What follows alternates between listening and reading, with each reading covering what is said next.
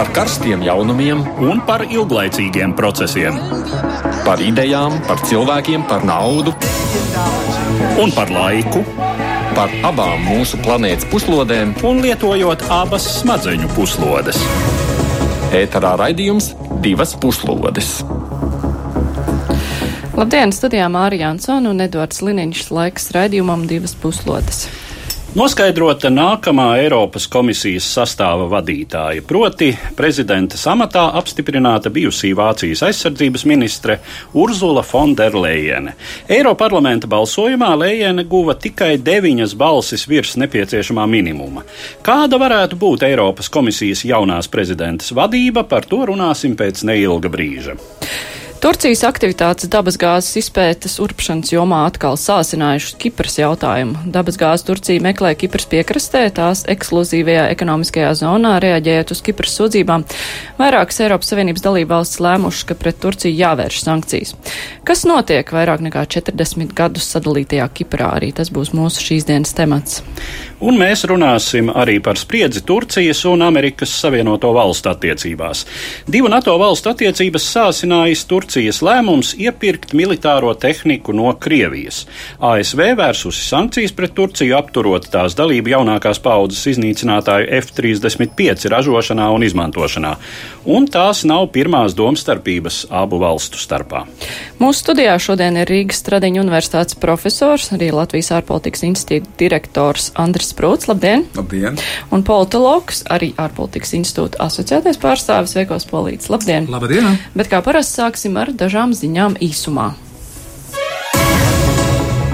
Ukraina gatavojas parlamentu ārkārtas vēlēšanām. Tās notiks šo svētdienu. Kā liecina jaunākās sabiedriskās domas aptaujas, parlamentā izredzes iekļūt ir piecām partijām. Līderu pozīcijās atrodas jaunā prezidenta Volodimira Zelenska partija Tautas kalps, kurai neizslēdz arī puses balsu iegūšanu un līdz ar to arī iespēju izvēlēties nākamo premjeru un galveno lomu valdības izveidē.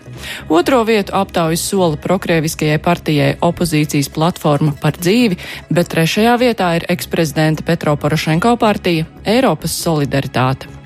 Maskavā turpinās protesti pirms rudenī gaidāmajām pašvaldību vēlēšanām. Krievijas varas iestādes liegušas balotēties vairākiem opozīcijas kandidātiem, apsūdzot viņus vēlētāju parakstu viltošanā. Tas izraisīs plašas demonstrācijas. Nesankcionētā protesta akcijā Maskavā notika sadursmes starp protestētājiem un policiju. Desmitiem protesta dalībnieku tika varmācīgi aizturēti. Eksperti norāda, ka septembrī gaidāmās reģionālās vēlēšanas būs svarīgs signāls par Vladimiru Putinu un viņa partijas varas spēku. Pat laban viņa paša un partijas vienotā Krievija popularitāte krīt, ko apliecina arī vairākas zaudētas gubernatora vietas. Eiropas komisija pavēstījusi, ka spērs nākamo soli bloka tiesību normu pārkāpumu procedūrā pret Poliju. Tas saistīts ar likumu, kas dod iespējas pārbaudīt tiesnešu pieņemtos spriedumus un vērst pret viņiem sankcijas. Eiropas komisijai ir šaubas, ka šim nolūkam jaunizveidotā augstākās tiesas disciplinārā palāta būs neatkarīga. Polijai doti divi mēneši, lai sniegtu atbildes, taču pagaidām nav vēl izlemts, vai tam sekos tālāka rīcība. ASV prezidents Donalds Trumps izstājies no kodolvienošanās ar Irānu tādēļ, ka tā viņam saistījusies ar viņa priekšteci Baraku Obamu. Tā uzskatīs līdzšinējais Lielbritānijas vēstnieks Vašingtonā Kims Daroks. Diplomātiskajās telegrammās, kas nopludināts masu mēdījiem, vēstnieks šo Trumpa soli nosaucis par diplomātisku vandālismu, acīm redzamu ideoloģisku un personisku iemeslu dēļ, jo tā bija Obamas vienošanās. Telegramā, ko Daraks nosūtīs drīz pēc tam, viņš ļauj noprast, ka Trumpa komandā šai jautājumā nav īstas vienprātības. Daraks atkāpās no amata pēc tam, kad viņa kritiskie izteikumi par Trumpa administrāciju tika nopludināti presē. ASV regulators apstiprinājis 5 miljārdu ASV dolāru lielu sodu sociālo tīklu kompānijai Facebook, lai noslēgtu mierizlīgumu izmeklēšanā par datu privātumu pārkāpumiem. Facebook iekļuva privāto datu aizsardzības skandālā pēc ziņām, ka Lielbritānijas politisko konsultāciju kompānija Cambridge Analytica, kas bija nolīgta Donalda Trumpa ASV prezidenta vēlēšanu kampaņai, varbūt izmantojusi 87 miljonu ASV vēlētāju Facebook profilu informāciju bez viņu atļaujas. Neļaujas. Mierizlīguma sots vēl jāapstiprina ASV Tieslietu ministrijai, un pagaidām nav zināms, cik ilgu laiku tas prasīs. Ja sots tiks apstiprināts, tas būs visu laiku lielākais sots, ko regulators noteicis kādai tehnoloģiju kompānijai. Tomēr eksperts spriež, ka kompānijai, ņemot vērā tās peļņas apjoms, arī šis sots būs kā spļāviens jūrā, turklāt pēc tā piemērošanas notika Facebook akciju vērtības kāpums.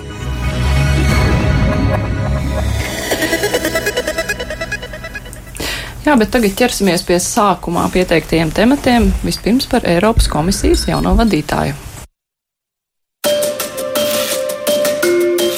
Otradien Eiropas parlaments ievēlēja nākamo Eiropas komisijas prezidenti, Vācijas Kristīgo demokrātu apvienības pārstāvi Urzulu Fonderlejeni.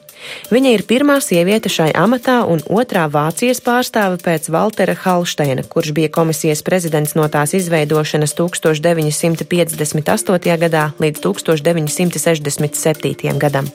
Fonderleina ir dzimusi 1958. gadā Brīselē, augsta ranga Eiropas Savienības ierēdņa Ernesta Albrehta ģimenē. Aktīvu politisko darbību viņa uzsāka 40 gadu vecumā, līdz tam veltījusi sevi karjerai medicīnā un ģimenei.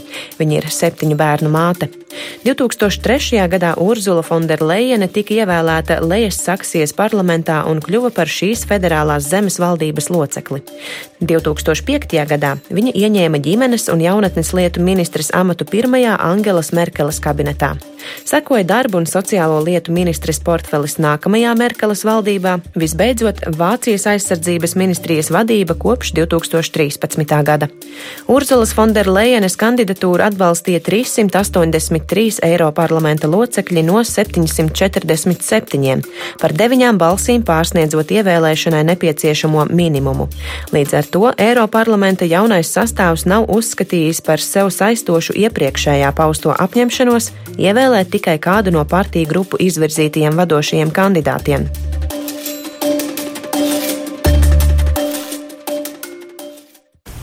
Jā, es atgādinu mūsu studijā. Šodien ir Andris Prūts, Veikals Polīts. Ievēlēšana uh, Urzulas Fondena Lējenes ievēlēšana nebija droša. Tur bija tikai deviņas balsis. Pirms tam, nu, tā kā likās jau, nu, ka nu, varbūt ievēlēs, bet līdz galam nekas nav zināms.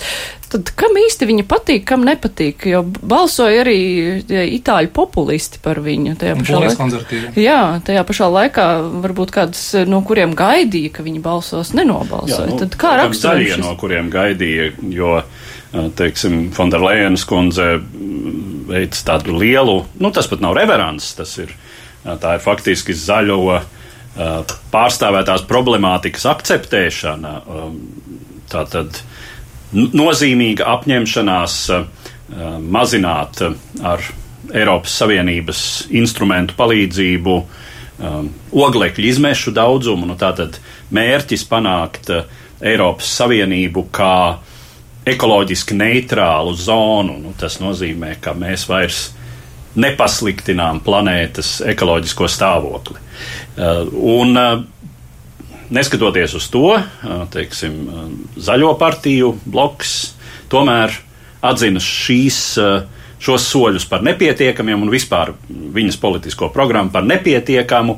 Nu, te izpaužās tāds zināms zaļo radikālisms šobrīd, mm, kas ir, nu, kas ir viņu uh, Savukārt politiskās platformas veiksmes atslēga pašreiz. Nu, zaļā problemātika pasaulē ir, teiksim tā, guvusi mm, pietiekama atsaucība, sevišķi jaunākās paudzes vēlētāju vidū, un nu, tā ir zināmā mērā reakcija savukārt uz Savienoto valstu prezidenta Trumpa um, politiku, un arī varbūt, teiksim, dažās citās lielās valstīs, kā Brazīlijā, piemēram, šobrīd pie varas esošais prezidents arī neizceļas ar ekoloģisku apzinīgumu.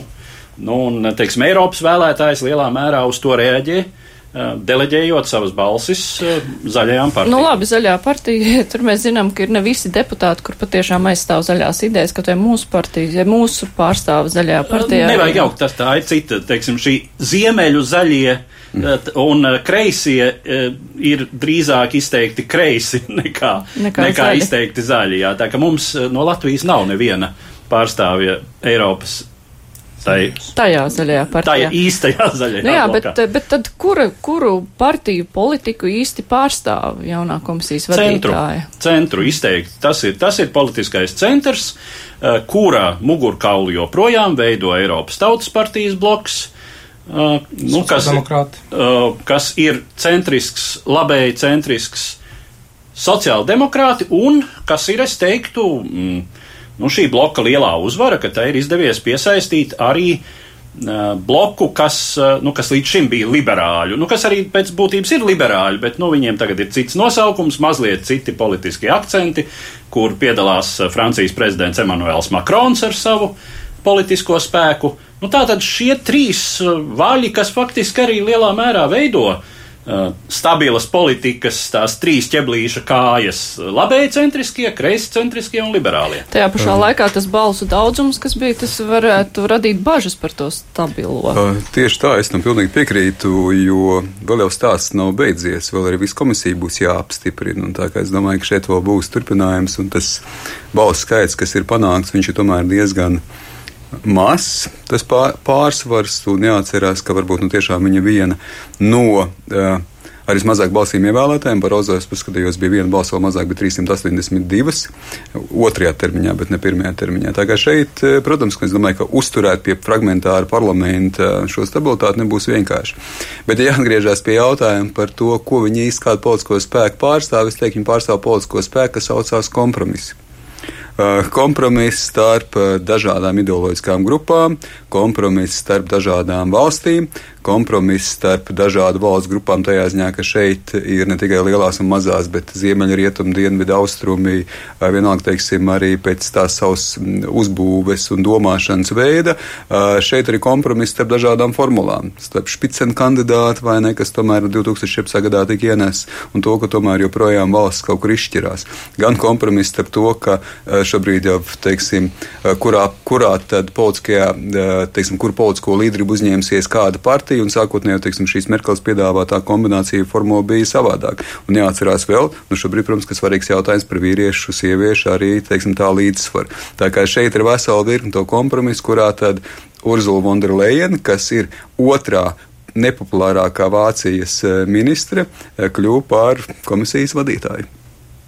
Nenoliedzami es piekrītu Andriem, ka šī konsensus politika, viņai pat ir nosaukums Eiropas parlamentā, šī konsensus, ja vienošanās politika ir pamatu pamatos, mūsu pašu premjers viņu ir iemācījies ļoti labi izmantot un izveidojis veiksmīgu Latvijas valdības darbošanās modeli, bet es nebūtu tik negatīvi noskaņots kā mans kolēģis par šīs komisijas ievēlētās vadītājas darba ilgumu. Es domāju, visi pieci gadi un, un iespējams pat vēl vairāk, jo galu galā, kas tad ir alternatīvas?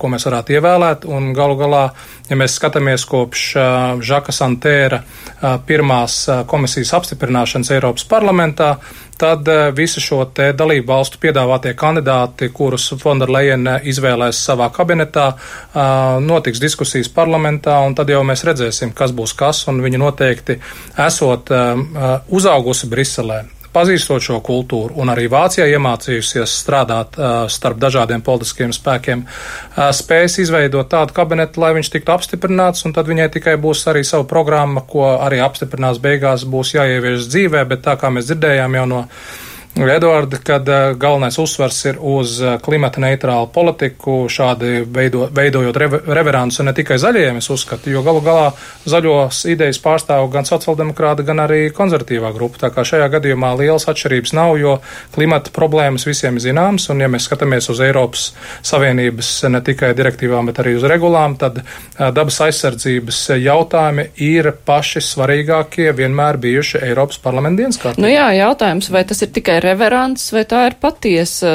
patiesa, nu tagad mēs patiešām nopietni ķersimies pie šīm lietām? Nē, nu Eiropa jau vienmēr ir bijusi pret šiem jautājumiem salīdzinoši nopietni noskaņot. Tas jau nu ir jāatzīst, vismaz pēdējos pārdesmit gadus. Bet, uh, Pilnīgi noteikti tā ir nopietna politiska programma, un, protams, arī tūlīt pēc tam jāmin arī sociālie jautājumi. Un te no Fonderlejenas kundze ir uh, ļoti Pagājuši. laba reputācija. Gan tāpēc, ka viņa ir pati pildījusi šādu amatus Vācijas valdībā, un faktiski arī tāpēc, ka viņi nāk no Vācijas. Un septiņu bērnu ģimenes māte. Arī, jā. Un nāk no Vācijas, kur dialogs starp sociāldemokrātiem un, un kristīgajiem demokrātiem un tajā balstīts sociāli atbildīgas tirgus ekonomikas modelis, nu, tas ir zināmā mērā tāds paraugu modelis, uz kuru, uh, uz kuru varētu tiekties uh, teiksim, visa pārējā Eiropa. Um, lai nebūtu nekāda pārpratuma, um, es domāju, ka viņai viss iespējas būt, protams, nākošos piecus gadus. Es domāju, ka viņa tiešām ir spēcīgs kandidāts un, principā, šī kombinācija, kas ir sanākusi, ir laba kombinācija. Ja mēs skatāmies, uh, teiksim, šīs, šie vadošie amati, un var jau arī, teiksim, runājot par viņas ilgtspējību, viņa vienīgā ministri, pat ja viņi varbūt šobrīd tā nepopulārākā, viena no nepopulārākā, viņa tomēr ir vienīgā ministra, kas ir no Angelas Merkeles valdīšanas vai vadīšanas pirmsākumiem. Viņa bija 14, 15 gadus. Līdz pēctecības eh, mantinieces lomā viņa tā arī beigās, tomēr, kā saka, nespēja tikt, pat ja, teiksim, šīs te runas bija, bet eh, kopumā es domāju, ka skaidrs, ka viņai ir absolūti potenciāls, viņai grib, viņai ir vēlme un to varēja redzēt. Tā, es domāju, ka viņai ir visas iespējas turēties, bet nenoliedzam no otras puses jāatcerās, ka kopējā vide ir salīdzinoši sarežģīta gan politiskā vide, gan, teiksim, kopumā mēs runājam par Eiropas tālāku attīstību. Tā kā šeit slēgt šos kompromisus, tas ir lielā mērā tāds gan izvēle, nu, pusmisija neiespēj, neiespējamā. Kā es domāju, ka būs zinām izaicinājumi. Kaut arī mēs runājam par klimata pārmaiņām, klimata politiku, ļoti labi, ka viņi sāk un skaidrs, ka daļai tas ir reverants. Skatīsimies, kāds izdosies. Bet jāatcerās, ka tikko kā lielākā daļa valsts bija gatavs parakstīt šo vienošanos par 2050. gadu par neitrālu ogļu emisiju izmešu, teiksim, šo te politiku un stratēģiju, bet tomēr bija arī valstis, kas iestājās pret. Līdz ar to, protams, ka mēs sadursimies gan ar dažādām valstīm, dažādiem redzējumiem, gan arī to, ka valsts ietvaros e, ir pilnīgi dažādas pozīcijas. Skaidrs, ka jaunā paudze absolūti ir teiksim, atbalstītāji. Mēs domājam par jaunās paudzes un par nākotni, tad nenoliedzam, ka šī politika absolūti ir nākotnes politika.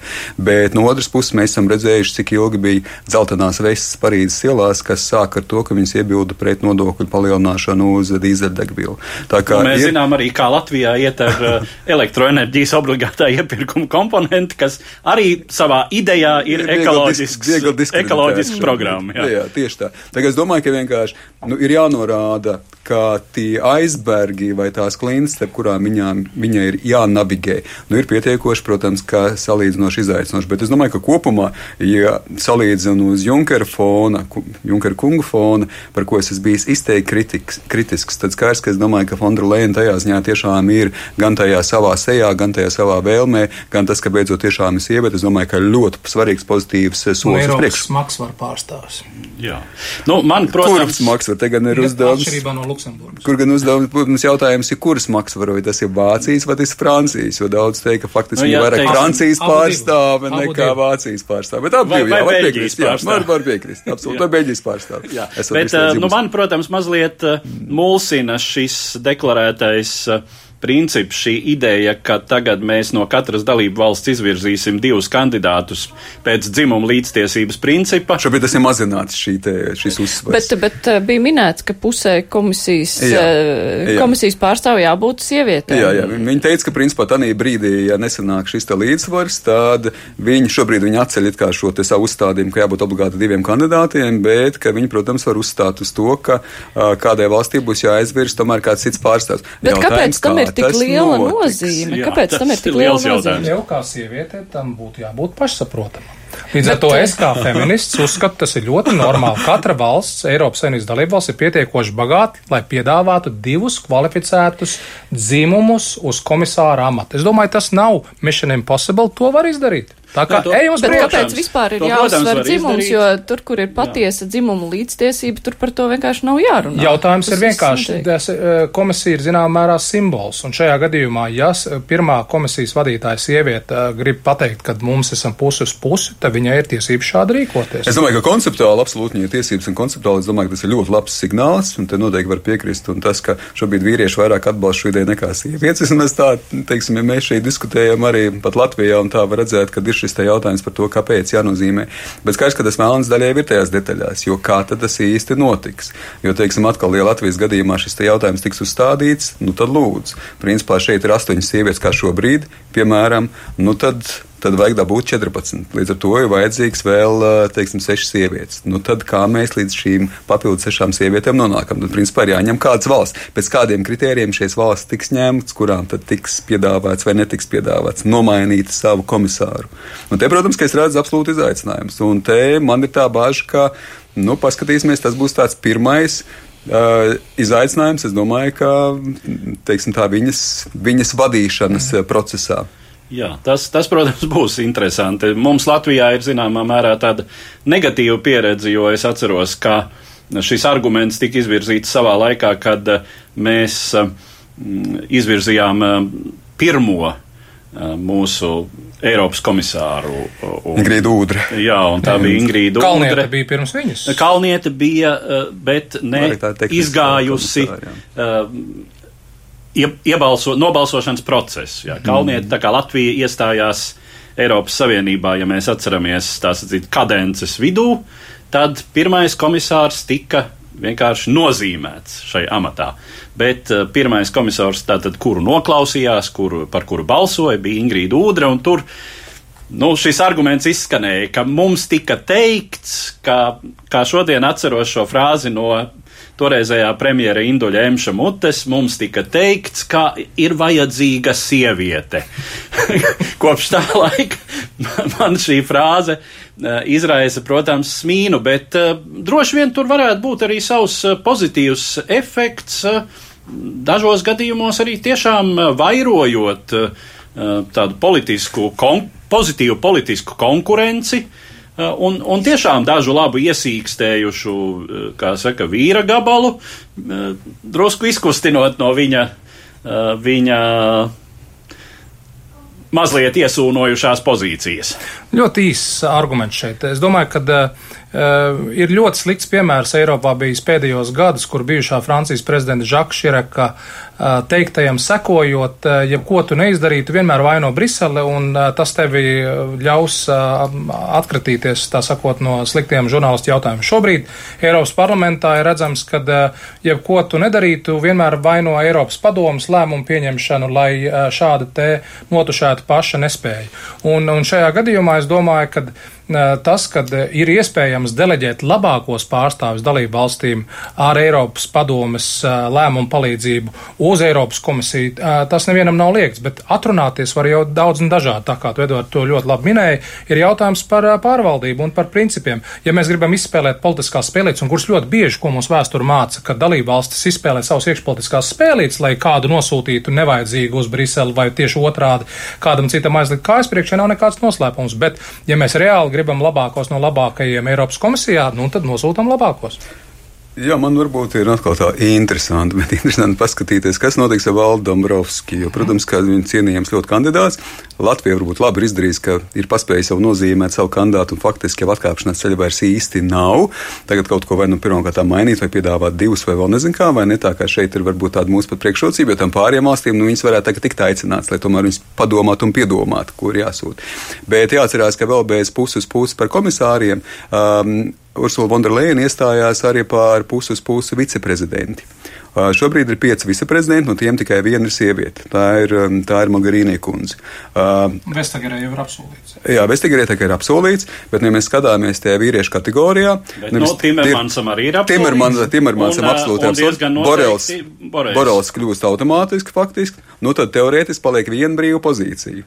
nu, tad ir interesanti, vai te mēs redzēsim Valdam Brovski, tā var teikt arī to nu, es nezinu, reitingus Eiropas lēmumu pieņēmēju vidē, jo skaidrs, ka no vienas puses būtu kā kāds jānozīmē arī no šī reģiona, jo nav neviens faktiski šobrīd no, centrālās Eiropas jā, pārstāvs. Nu, tad mēs redzēsim tagad, vai, teiksim, Aldim Dombrovskam ir iespējas, es viņam, protams, to novēlu, bet, nu, es domāju, ka tur tā konkurence varētu būt pietiekoši ar liela pār potenciāli šo te amatu, kas ir vīrietim. Bet, domāts. ja mēs runājam par šo te ietekmīgo amatu, kuram vajadzētu būt kādam no centrālās Centrālās Austrum Eiropas, tad Dombrovskis ir tas reālais kandidāts, kurš varētu ieņemt šo te, vai ir citām dalību valstīm šajā reģionā kandidāti uz uh, protams, posteni? Protams, ir, bet skatoties no savas pieredzes, esot saimā un arī Eiropas tautas partija grupā, esot uz viņu kongresiem, nenovērtēsim pa maz arī faktoru, ka tomēr ir nomainījusies politiskā vide, proti Eiropas parlamentā ir vesels lērums pilnīgi jaunu dalībnieku, kur iepriekš nav bijuši.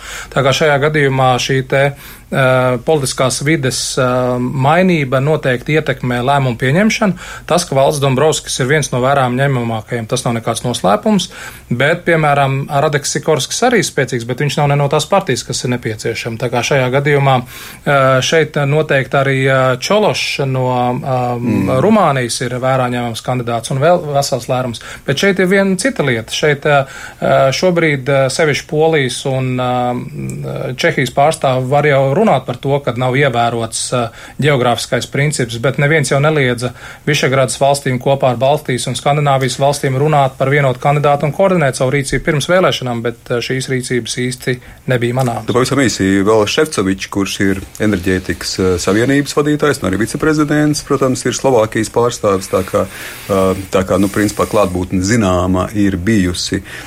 Nu, bet atgriežoties pie, teiksim, šie tā, pie šī viena amata, kas paliek gaisā karājot rīkoties. Nu, tad, protams, varbūt te Valdim Dombrovskim ir tā zināmas priekšrocības, ka gan Borel kungs, gan Timermans kungs pārstāv faktiski sociālistu grupu. Nu, šajā situācijā it kā būtu vajadzīgs kāds vai varētu būt kāds nepieciešams arī daudz no tautas grupas. Protams, ka jautājums būs, no kā būs arī sievietes. Vestagieri ir liberālā grupa, tā kā visticamāk viņi arī būs šajā koalīcijā, ir šajā koalīcijā. Nu, tad, teiksim, šeit zināmā veidā tādas iespējas, es domāju, ka Dombrovskungam arī ir saņemt šo amatu. Bet skatīsimies, nu, jo skaidrs, ka es domāju, ka. Nebūs jau nekāda īpaša nelaime, ja Dombrovskis kungs būs vienkārši protams, komisārs, protams, komisijas protams, viceprezidents. Protams. Un pat tad, ja Dombrovska kunga vietā tur būs kāda dāma. Protams, bet no nu, atkal, domāju, jautājums šeit bija absolūti vietā, jautājums bija šeit relevants, jo šobrīd ir jautājums ne tik daudz varbūt pat par Dombrovsku kungu, bet par šo te reģionu, kā viņš tiek pārstāvēts un kurš arī šo reģionu, tā var teikt, arī pārstāv. Un es domāju, tā no tā viedokļa šie, šī diskusija absolūti ir vietā. Jā, vēl viens eh, no darba uzdevumiem, ko ir minējusi jaunā komisijas vadītāja, ir likumības ievērošana, ar ko sirkst eh, mazliet eh, dažas Austrum Eiropas valstis, vai ir sagaidām kaut kāda stingrāka politika šai ziņā? Es domāju, ka uh, Fonderlajens kundze savā uzrunā Strasbūrā ļoti skaidri pateica, ka viņa pie likumības ievērošanas vēlās pieturēties, bet arī atbilžu un jautājumu sesijā viņa ļoti skaidri pateica, ka um, tiesiskā valstī mums ir pieņemts princips, proti tā ir tiesu likumdevēja un izpildu varas sadalīšana, un šajā gadījumā mums ir jāsagaida Eiropas tiesas lēmums, un kad ir ties, Eiropas tiesas nolēmums, tad arī mēs varam vērsties pie šīm dalību valstīm, kuras neievēro tiesiskos principus, konkrēti šajā gadījumā Ungārija un Polija. Tā kā Polijas gadījumā šeit ir jautājums par tiesu reformu, par kuru mēs varam veselu raidījumu uztaisīt un diskutēt.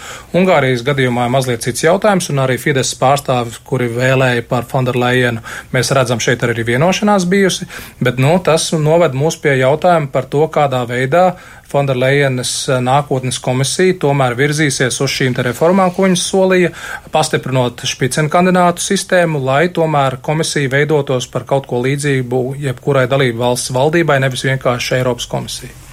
Jā, tas, protams, ir ļoti sarežģīts jautājums, vai un, un cik, teiksim,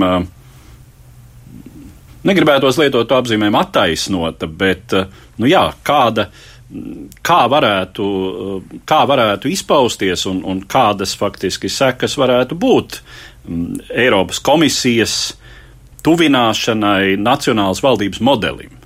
Jo tas, ko mēs redzam šobrīd, kā joprojām ir zināmā mērā šī Mm, kompetences sfēru un arī nu, tā varas uh, apjoma dalīšana starp šiem lielajiem um, Eiropas Savienības institūtiem. Un, uh, Viss šis stāsts par špicenu kandidātu, kas uh, šobrīd bija vērojams, nu, špicenu kandidātu sistēma, tas ir tāds liels solis tuvāk mm, valstiskotam vienot, vienoti valstiskumam, Eiropa, eh, vienot valstiskam Eiropas modelim. Ja? Nu, tātad mēs tā kā līdzīgi kā Nacionālā parlamentā izvirzam premjeru kandidātus un atkarā no tā, kā vēlētāji ir balsojuši, tad arī kļūst par, uh, kandidāts kļūst par premjeru. Šī sistēma nenostrādāja, teiksim tā, un uh, faktiski No otras puses, mēs redzam arī Fonderlejenas kundzes teiktajā un viņas politiskajos uzstādījumos, tātad Eiropas parlaments varētu iegūt turpmāk likumdošanas iniciatīvas tiesības, kādas tam līdz šim nav. Ja tā ir komisija. Jā, līdz šim likumdošanas iniciatīvas tiesības bija komisijai vai Eiropas padomei.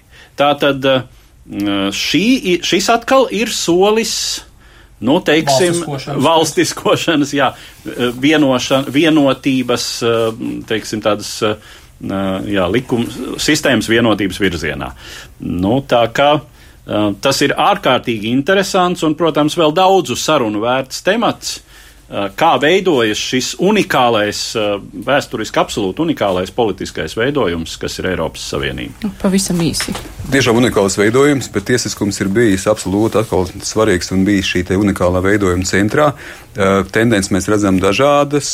Man šķiet, ka varbūt tā pavisam īsi atbildot, neieskaciet pārāk daudz scenārijas, ka kāza dzīve ilgs paēdis, ka, protams, ka Vonderleina turpinās uzstāt uz tiesiskumu, ja tā var teikt, centralitāti, bet tajā pašā laikā tās politiskās reālijas ir tādas, ka pilnībā teiksim, to, kas notiek Polijā un Ungārijā, ietekmēt viņa nevarēs. Jā, par jaunās komisijas vadītājas veiksmēm, neveiksmēm, arī par komisijas uh, amatiem mēs runāsim vēl turpmākajos raidījumos. Tagad mums ir jāpievēršas Kiprai. Kīpras problēmas saknes meklējamas vairākus gadsimtus senā vēsturē. Osmaņu impērijas varas periodā, kas sākās 16. gadsimtā un turpinājās līdz 1878. gadam, salā līdztekus grieķu valodā runājošajiem pamatiedzīvotājiem izveidojās turku minoritāte. Kad 1960. gadā Kīpra ieguva neatkarību no Lielbritānijas, grieķu kiprieši veidoja apmēram 77%, savukārt turku kiprieši apmēram 18% no iedzīvotājiem. Pie tam Grieķu kopienā bija spēcīgs atbalsts Kīpras pievienošanai Grieķijai, kas, protams, nebija pieņemami turku minoritātei. Sākotnējais Kīpras valstiskuma modelis, kas piešķīra abām kopienām noteiktas kvotas valsts varā un drošības struktūrās, izrādījās dzīvot nespējīgs. Jau pirmajos valsts pastāvēšanas gados starp etniskais konflikts pārauga bruņotā cīņā, kurā iesaistījās gan grieķu un turku kopienām piederīgie policijas spēku pārstāvji, gan paramilitāri grupējumi, kas nereti izmantoja terora taktiku. Rezultātā jau 60. gadu beigās sala, kur līdz tam grieķu un turku izcelsmes kiprieši daudz viet bija dzīvojuši līdzās, izrādījās lielā mērā sadalīta etniskos anklāvos, no kuriem bija aizbēguši vai padzīti attiecīgajai kopienai nepiederīgie. Jau kopš 1964. gada Kiprā tika izvietoti ANO miera uzturētāji. Situācija pasliktinājās 1967. gadā, kad varu Grieķijā sagrāba militāra hunta. 1974. gada jūlijā Atēnu huntas atbalstītā Kipras Nacionālā gvarde apvērsumā gāza republikas prezidentu arhibīskapu Makāriju III. Sekoja Turcijas armijas iebrukums Kiprā, nepilna mēneša laikā okupējot apmēram 40% salas teritorijas. Līdz pat 160 tūkstošiem grieķu nācās pamest Turcijas okupēto Kipras ziemeļaustrumu daļu, kur izveidojās de facto neatkarīgā Ziemeļkipras Turku republika. Apmēram 51 tūkstotis turku iedzīvotāju savukārt bija spiesti atstāt salas grieķu daļu. 1983. gadā Ziemeļkipras Turku republika pasludināja savu neatkarību, taču to atzīst vienīgi Turcija, un no starptautisko tiesību viedokļa visa Kipra joprojām ir Kipras republikas suverēna teritorija. Jau drīz pēc salas sadalīšanas iesākās sarunas par iespējamo konflikta noregulēšanu un salas atkal apvienošanu, kurās kopš 90. gadu otrās puses nozīmīga loma ir Eiropas Savienībai, kurai Kipras republika pievienojās 2004. gadā. Tomēr par spīti daudzkārtējiem apliecinājumiem par vēlmi atjaunot vienotu Kīpras valsti, apusēji pieņemamu risinājumu tā arī nav izdevies panākt.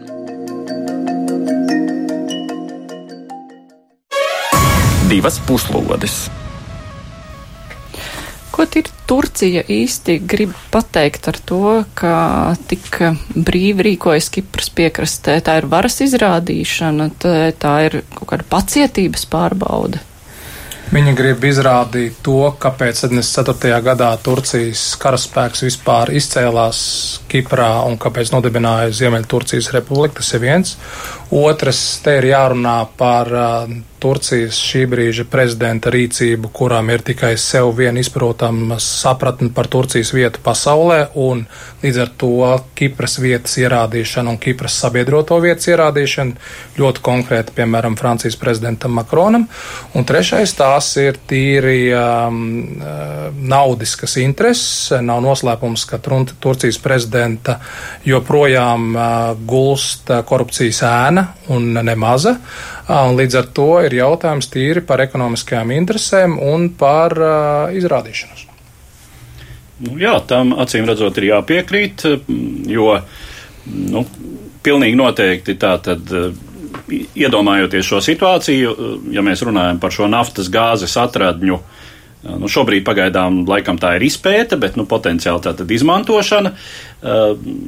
Šos urbēju kuģus, tās platformas pastāvīgi pavada Turcijas kara flotes kuģi, kuri attiecīgi nu, neļauj tuvoties nevienu citu jūras valsts, nevienas citas valsts jūras spēkiem, nu, kas potenciāli varētu būt pirmkārt Grieķijas. Ir vien, viens, viena maza atkāpe, Eduard. Patiesībā starp Kipru, Izraēlu, Libānu un Eģipti, jo šis te naftas lauks ietver teritoriju, ja jūs geogrāfiski iedomājaties vidusjūru, tad ir no Eģiptes uz ziemeļiem līdz Kiprai. Viss šī teritorija ir sadalīta attiecīgi kvadrātos, kur ir pateikts, šai firmai pieder tas, šai tas, tas. Lielākie spēlētāji šobrīd ir Itāļu Enī, Franču Total, Krievijas Gazproms un tad vēl arī Turku un Grieķu kompānijas. Un tad, attiecīgi, kam viņi ir iedevuši amerikāņiem, es tagad nepateikšu. Bet tātad šajā gadījumā ir noteiktās teritorijās, kur ir uz jautājumu zīmes, tur, kā Edvards teica, tur karakuģi pavada citu valstu urbēkuģus. Nu, es saprotu, ka tās ir teritorijas, kas pieguļ šai pašpasludinātajai Ziemeļkipras Turku republikai, kas no starptautisko tiesību viedokļa, tāpat kā mēs to runājam, piemēram, Krimas gadījumā, ja, kam piedara teritoriālie ūdeņi pie Krimas. Precīzi. No starptautisko tiesību viedokļa Ukrainai. No starptautisko tiesību viedokļa tie ir Kipras republikas teritoriālie ūdeņi, bet Turcija uzskata, ka Ziemeļkipras, un tātad Ziemeļkipra var atļaut Turkiem tur brīvi rīkoties. Es uh, uzdrīkstēšos uh, kolēģu uh, ļoti informatīvu, interesantu debati kopsavilkt pēc sava prāta uzlikt tos uzsvers, varbūt, kas man šķiet ir, principā, pilnībā piekrītot tiem aspektiem vai detaļām, nu, ja, ja pastāst mazliet konceptuāli, tad pirmkārtām gan Turcijas gadījumā, gan ASV gadījumā, gan daudz citu valstu gadījumā, protams, arī mūsu gadījumā, ārpolitika un ārpolitiskie signāli vispirms ir par iekšpolitiku. Skaidrs, ka Erdogana situācija nepavisam nav vienkārša. Viņam ir jāturpina, ja tā var teikt, spēlēt šo ļoti spēcīgu līderu lomu. Valsts iekšēnē viņš to ir kā ir izspēlējis, bet tajā pašā laikā no ap to karogu jāmobilizē arī uz starptautiskajā arēnā. Uh, uh, starptautiskā arēnā uh, Turcija, protams, ka domāju, pēc savu lielumu, pēc savas vēstures, pēc savas tradīcijas, tas ir pilnīgi dabiski, kā citas varbūt lielas valsts liecās pēc reģionālās, vismaz lielvaras lomas. Un šeit, protams, ka virkni to valsts, kas, teiksim, dabiski iekrīt, ja tā var teikt, tajā konflikta zonā, un ar kurām konflikti pat ir izdevīgi, teiksim, tā uzturēt. Un Grieķija, protams, vai Grieķu kopiena kopumā, Kipra, Grieķija, nu tas, es domāju, ka ir apusēji pat zinām ieinteresētība. Tā kā šeit tas arī nav nekas jauns, un varbūt mēs arī mūsdienu pasauli ienākam, kas ir politika caur konfliktu. Un Erdogans ir viens no, kā saka, tās eh, realizētājiem tādā pietiekoši talantīgā veidā. Mums tas var patikt, mums tas var nepatikt. Tas, protams, ka šķiet transatlantisko vai eiroatlantisko kopienu, bet kopumā atkal jāpaskatās, cik Erdogans ir ilgi noturējies pie varas. Tātad kaut kādā veidā viņa politikai, arī politikai caur konfliktu, gan iekšputis, gan starptautiski, ir zināma augļa. Viņš to absolūti realizē. Tā kā šis ir nu, viens elements, domāju, tādā plašākā notikuma un uh, pieejas uh, kontekstā un ķēdē.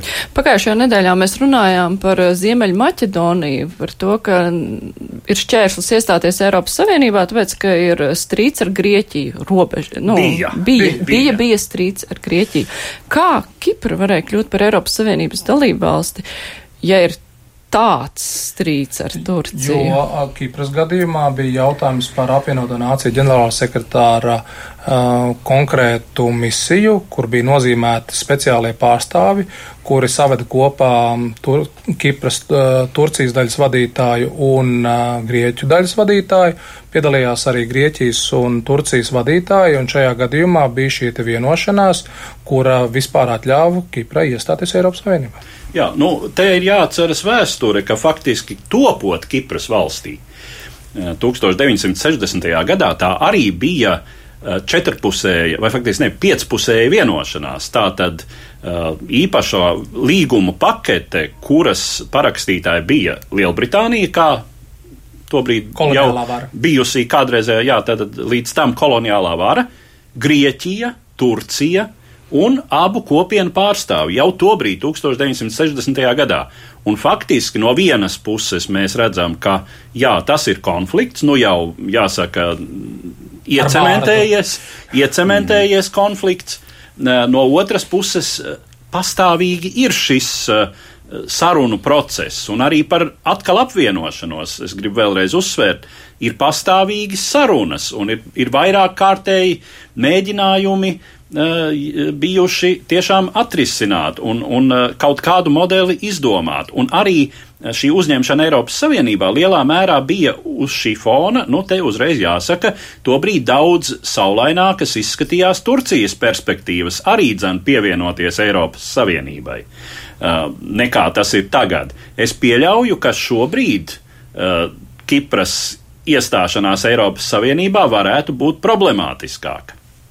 Pavisam, pavisam īsi, mm, skaidrs, ka varbūt nav salīdzināmas apjomas, bet tomēr zinām analoģija ir nu, jāatcerās, ka Latvijai nebija robežlīgums ar Krieviju. Mēs iestājāmies gan NATO, gan Eiropas Savienībā. Kā, nu, protams, ka šeit situācija ir bijusi savādāka. Tur nebija, teiksim, acīm redzams militārs fizisks konflikts, bet, nu, teiksim, robežu nesamība, nu, tas automātiski neizslēdz valsts. Jo skaidrs, ka citas valstis vienkārši šāda veida instrumentāli izmantot, lai kaut ko ierobežotu. Un beig beigās jau neskatoties, ka šobrīd varbūt šis konflikts ir sāsnājies, nu, tomēr tāds kopējs vērtējums, pat ja tie 45 gadi, tā situācija kaut kur jau šeit tika lietots vārds ir iesaldējusies, nu, viņš kaut kur ir nostabilizējies, un tā iestāšanās Eiropas Savienībā faktiski šo konfliktu tomēr ir internacionalizējusi. Tā ir ievadusi citos ūdeņos, kurā tomēr šie spēlētāji ir vairāk. Pat jau varbūt mums nepatīk šajā gadījumā, ka mēs mēs tiekam iesaistīti konfliktā, kas ir tālu no mūsu krastiem.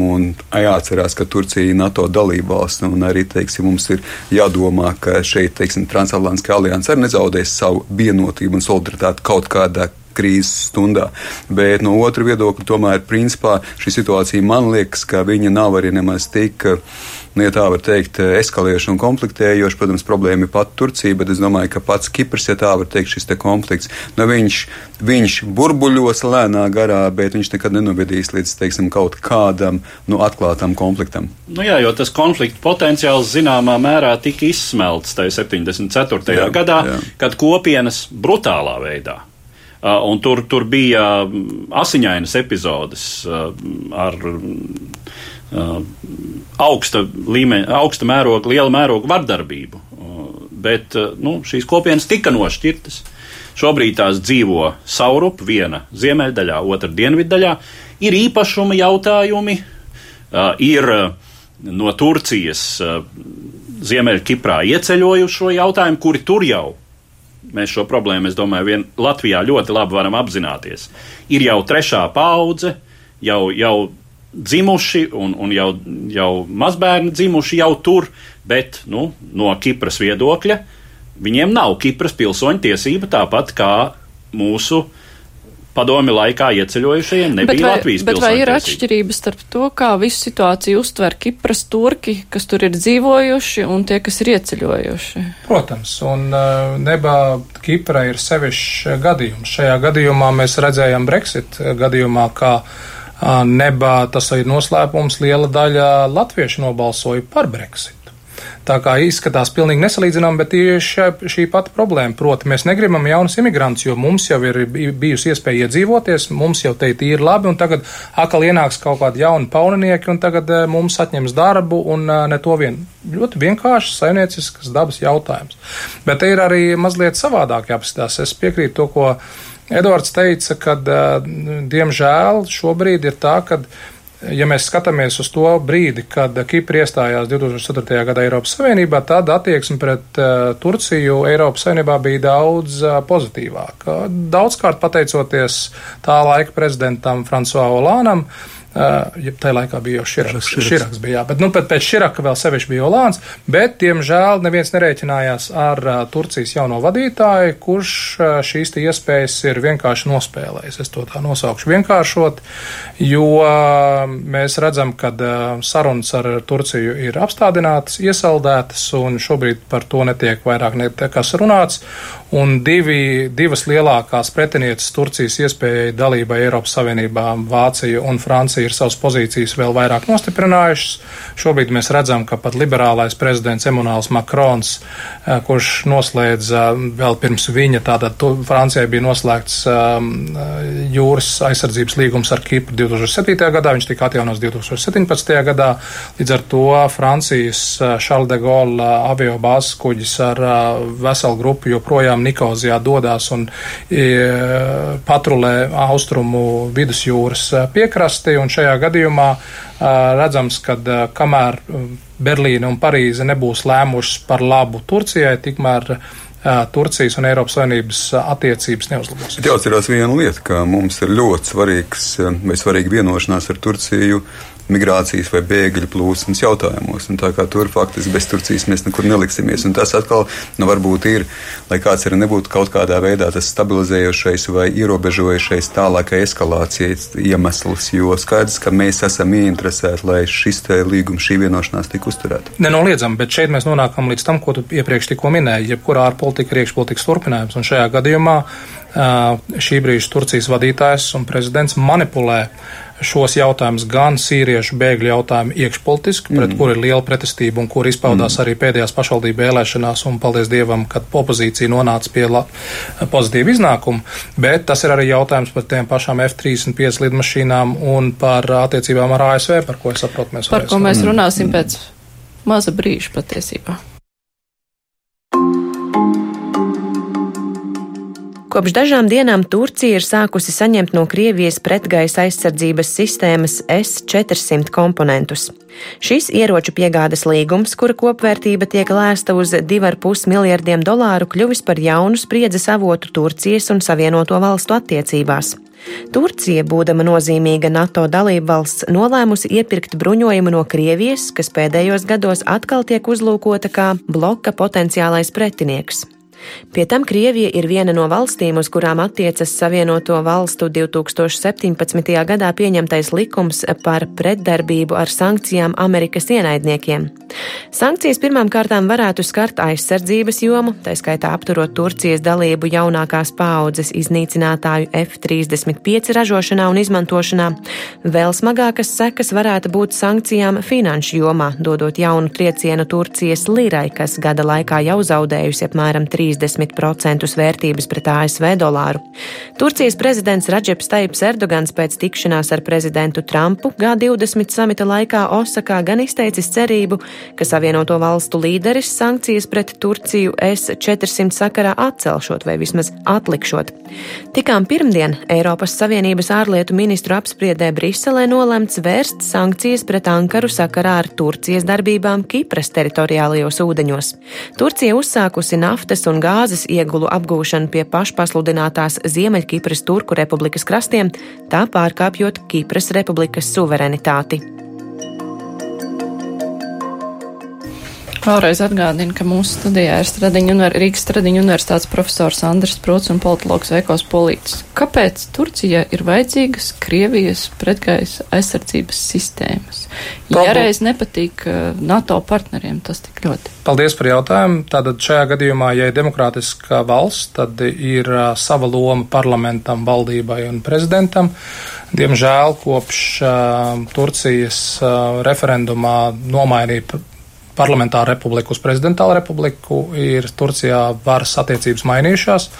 Un šīs problēmas, par ko tikko minēju, slēpjas 2015. gadā, kad vispirms Turcijas gaisa spēki nošāva Krievu lidmašīnas kampaņā Sīrijā uz Turcijas robežas, un pēc tam 15. jūlijā 2015. gadā sekoja valsts apvērsums Un šajā gadījumā ir vairākas sazvērstības teorijas, daudz ir arī informācijas, kura ir apstiprināta, proti par to, ka ir zināms, ka Turcijas gaisa spēki mēģināja nošaut prezidenta lidmašīnu, bet viņš to nav piedevis, un līdz ar to viņš uzskata, ka šīs te amerikāņu sistēmas ļaus gaisa spēkiem atkal vērsties pret viņu, un tāpēc viņš vairāk uzticās savam draugam, Krievijas diktatoram un Krievijas aizsardzības S-400 sistēmām.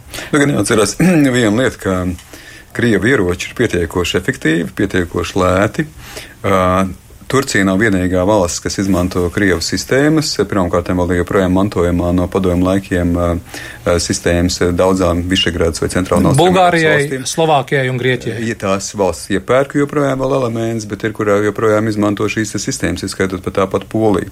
Tā kā šeit ir pat, pat neskatoties to, ka NATO vienošanās bija to, ka principā no Krievijas sistēmām ir jāiet projām. Tagad tas nav kaut kāds pilnīgi teiksim, tā, izņēmums un unikāla situācija. Bet uh, Turcijas gadījumā es domāju, ka atkal atgriežamies pie tā, ka Turcija spēlē tā, var teikt, savu spēli, šo suverenizācijas spēli, un, ja var sakombinēt lietas, kad ir gan mēs parādām, kā saka, to, ka mēs varam atļauties, uzdrošināties nopirkt tur, kur mēs uzskatām par vajadzīgu, stiprināt saites, kuras tiešām šobrīd izvēršās, ja tā var teikt, zināmā veidā, autoritāro vadītāju alianse vai vienalga savienība arī ar draugu Putinu, tad, protams, un tie ir ieroči arī, kas pietiekoši efektīvi un pretī arī ir savukārt līdzīgas sistēmas Grieķijai, un mēs kaut kur mazliet varam pievilkt šo arī Kipras, ja tā var teikt, jautājumu klāt. Tāda tas nav pārsteidzoši, bet, protams, ka varbūt pārsteidzoši tas, cik tālu šīs vai jautājums, cik tālu Turcija ir gatava spēlēt šīs pietiekoši augstās likmes, ir īpaši ar tādu sabiedroto kā ASV, jo skaidrs, ka ASV tomēr ir spēlētājs un būs spēlētājs tuvu austrumu nu, kopējā pulveru mucā. Un no tā, protams, kad aiziet, kur Turcija nevarēs. Jā, un likmes ir augstas no abām pusēm, kas tiek atzīmēts, ka, Tieši teiksim, Savienotās valstis ar ļoti krasām sankcijām var tieši iegrūst Turciju, nu, pirmkārt, Krievijas apskāvienos, mm. nu, un tiek minēta arī tāda uh, triju spēku kombinācija, kas, protams, nesavienotajām valstīm un arī Eiropas Savienībai nebūtu, um, nepavisam nebūtu nu, tīkam maigi izskoties. Tātad faktiski būtu diezgan biedējoši, proti tuvas un, uh, un siltas attiecības starp Krieviju, Turciju un Irānu mm. tuvajos austrumos. Uh, un arī šādi mm, pieņēmumi tiek izteikti. Nu, katrā ziņā šīm valstīm ir gana daudz, uh, gana daudz kopīgu vai potenciāli kopīgu interešu reģionā vai saskaņojumu interešu.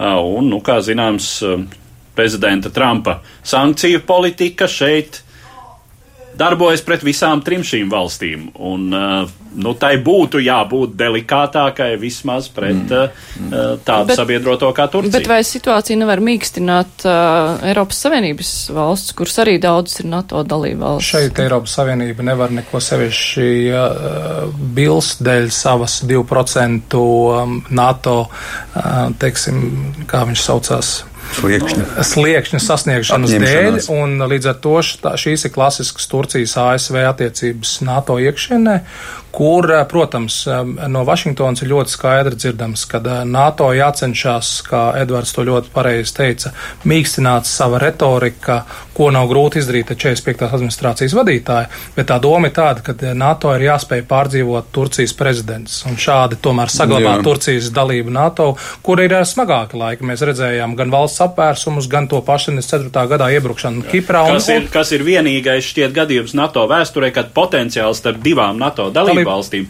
varēja sākties militārs konflikts. Precīzi. Un karaspēks jau bija koncentrēts Tesālijā pie Grieķijas un Turcijas robežas. Un ir pārdzīvots. Miksnāt nebūs vienkārši, jo pretī mums ir Erdogans no vienas puses un Trumps no otras puses. Tā kā tas varbūt no tā viedokļa nu, kaut kur ar Eiropu vienojos, ka, ka šādi strateģiskie partneri priekš Eiropas vienotības nemaz nav arī slikti. Jā, lai gan starp viņiem diviem tā kā tās attiecības nesot sliktas. Jā, saku paldies. Mūsu studijā šodien bija Andris Prūcveikos Polīts, Eduards Liniņš un arī es Mārija Ansona.